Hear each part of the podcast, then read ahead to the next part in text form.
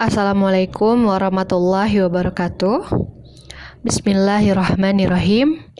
Alhamdulillah wassalatu wassalamu ala Rasulullah wa alihi wa sahbihi amma ba'du. Bapak, Ibu, teman-teman sekalian, selamat datang di online course atau di kuliah online yang berjudul Find Out Rasulullah Habit ya. Insya Allah, mulai hari ini akan kita buka kuliah online sepanjang 24 pertemuan ke depan. Insya Allah ya. Mengapa 24? Karena saya merencanakan setiap pertemuan kita akan membahas fokus kepada satu jam aktivitas Rasulullah Shallallahu Alaihi Wasallam. Jadi 24 berarti tuntas kita mengkaji 24 jam dari rutinitas kehidupan Nabi Muhammad Shallallahu Alaihi Wasallam. Jadi akan kita kaji hari pertama kita akan membahas jam 1 ya. Hari ke 1, hari kedua jam 2 ya. Hari ketiga, apa yang dilakukan oleh Nabi pada jam 3 sampai hari ke-15, apa yang dilakukan oleh Nabi ketika jam 15 atau jam 3 sore ya. Atau hari ke-20, apa yang dilakukan oleh Rasulullah Shallallahu alaihi wasallam pada jam 20 atau pada pukul 8 malam. Begitu seterusnya.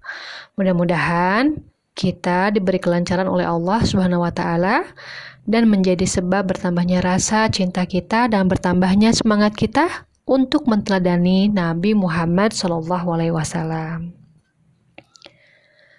Baik Bapak Ibu teman-teman sekalian, audio pertama ini sebelum kita mulai membahas tentang rutinitas beliau pada pukul 1 karena ini audio ke satu ya, ada beberapa yang perlu saya sampaikan sebagai pengantar dari kelas online kita.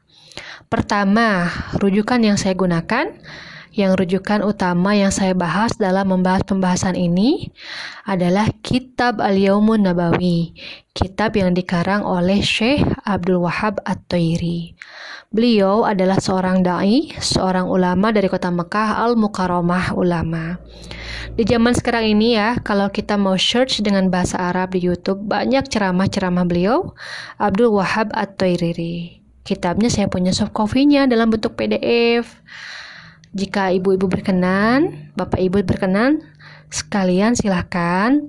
Tetapi ini uh, formatnya dalam berbahasa Arab. Tetapi kalau mau meminta silahkan nanti saya kasih. Tinggal WhatsApp saja kepada saya, nanti insya Allah akan saya berikan. Itu poin yang pertama adalah kitab Al-Yaumun Nabawi di samping dari kitab-kitab yang lain yang fokus membahas tentang sirah Rasulullah Shallallahu alaihi wasallam. Kemudian yang kedua, itu juga perlu diketahui pembahasan kita ini mengacu kepada jam dari jam yang satu kepada jam berikutnya ya. Padahal di zaman Rasulullah SAW belum ditemukan jam ya. Seperti itu, baginda Nabi itu hidup pada abad ke-7 Masehi. Itu belum peradaban manusia itu belum mengenal adanya jam, belum ada listrik, belum ada kendaraan. Pada zaman itu masih serba tradisional. Jadi apa yang kita sebutkan sebagai jam di sepanjang pelajaran dari awal sampai akhir itu hanya permisalan saja ya. Hanya perumpa, hanya perumpamaan saja. Seandainya yang seolah-olah kalau dulu di zaman Nabi sudah ada jam, maka itu pasti jadinya jam segitu begitu ya. Jadi sebenarnya faktanya Rasulullah Wasallam tidak melihat jam ya. Ketika saya menyebutkan nanti jam 6 Rasulullah keluar dari masjid dan seterusnya ya. Bukan berarti Nabi kemudian melihat jam, oh sudah jam 6 saya keluar gitu. Bukan ya, karena tidak ada jam. Hanya seolah-olah kalau ditarik keadaan tersebut pada zaman sekarang, mungkin jatuhnya jam 6. Begitu. Jadi ini juga penting untuk kita ketahui pada zaman dahulu peradaban manusia belum mengenal jam yang kita sebut sepanjang pelajaran hanya perumpamaan saja. Pendekatannya saja ya. Kemudian eh, itu yang kedua, yang ketiga juga perlu kita ketahui, ini juga penting kalau dahulu orang-orang Arab di zaman dahulu mereka tidak punya jam. Lalu apa yang mereka gunakan untuk petunjuk waktu ya? Kalau kita kan tinggal lihat jam doang. Ya, mau sekarang jam berapa nih? Jam 4. Ya, kita janjian sama orang. Nanti saya ke rumah kamu jam berapa? Jam 9 ya. Penunjuk waktu adalah jam di zaman sekarang. Zaman dulu, petunjuknya apa? Jadi zaman dahulu mereka menggunakan matahari. Matahari itu patokannya dan mereka pun punya istilah-istilah khusus pada keadaan-keadaan tertentu. Posisi mataharinya di mana? Contoh, Ketika matahari terbitnya, mereka punya istilah khusus namanya syuruk atau isrok ya. Jadi kalau menunjuk atau kalau janjian sesuatu, kalau berbicara sesuatu yang maksudnya waktu ketika matahari terbit, mereka cukup bilang waktu isyrok. Ya, nanti saya main ke rumah kamu. Kapan? Waktu isyrok. Itu sudah sama-sama tahu, berarti ketika matahari terbit. Atau kalau matahari tepat di atas kepala kita ya pas siang bolong, mereka menamakannya sebagai waktu zawal ya. Waktu zawal atau matahari terbenam, waktu gurub atau waktu maghrib ya, gurub atau maghrib dan seterusnya. Jadi, patokan orang-orang pada zaman dahulu adalah matahari, dan mereka punya sebutan-sebutan khusus istilah khusus pada posisi-posisi tertentu. Matahari itu sedang berada di mana. Kemudian yang lebih istimewanya lagi, orang-orang pada zaman dahulu selain mereka pandai melihat melihat posisi matahari dan mereka tahu ini sudah sampai di waktu apa, mereka juga pandai dalam menentukan durasi waktu. Menentukan durasi nih contohnya begini, antara terbit matahari, antara waktu isyrok atau waktu suruk, atau sampai dengan waktu zawal, sampai dengan tepat siang bolong, mereka bisa menentukan dengan cukup tepat sampai di mana pertengahannya, di mana tengah-tengahnya itu ya.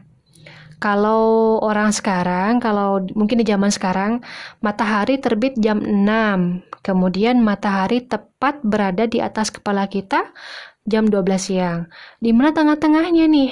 Kita gampang jawabnya ya jam 9 pertengahannya.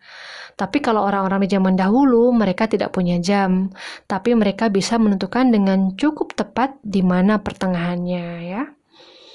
Pertengahan pagi berarti waktu pagi tengah-tengahnya antara waktu fazar sampai dengan waktu zawal atau waktu zuhur ya.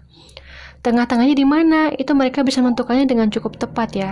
Ini yang luar biasa kalau diumpamakan di zaman kita sekarang ya kita ambil contoh misalnya kita kuliah datang ke sebuah tempat kuliah, ini mahasiswa sedang kuliah ya.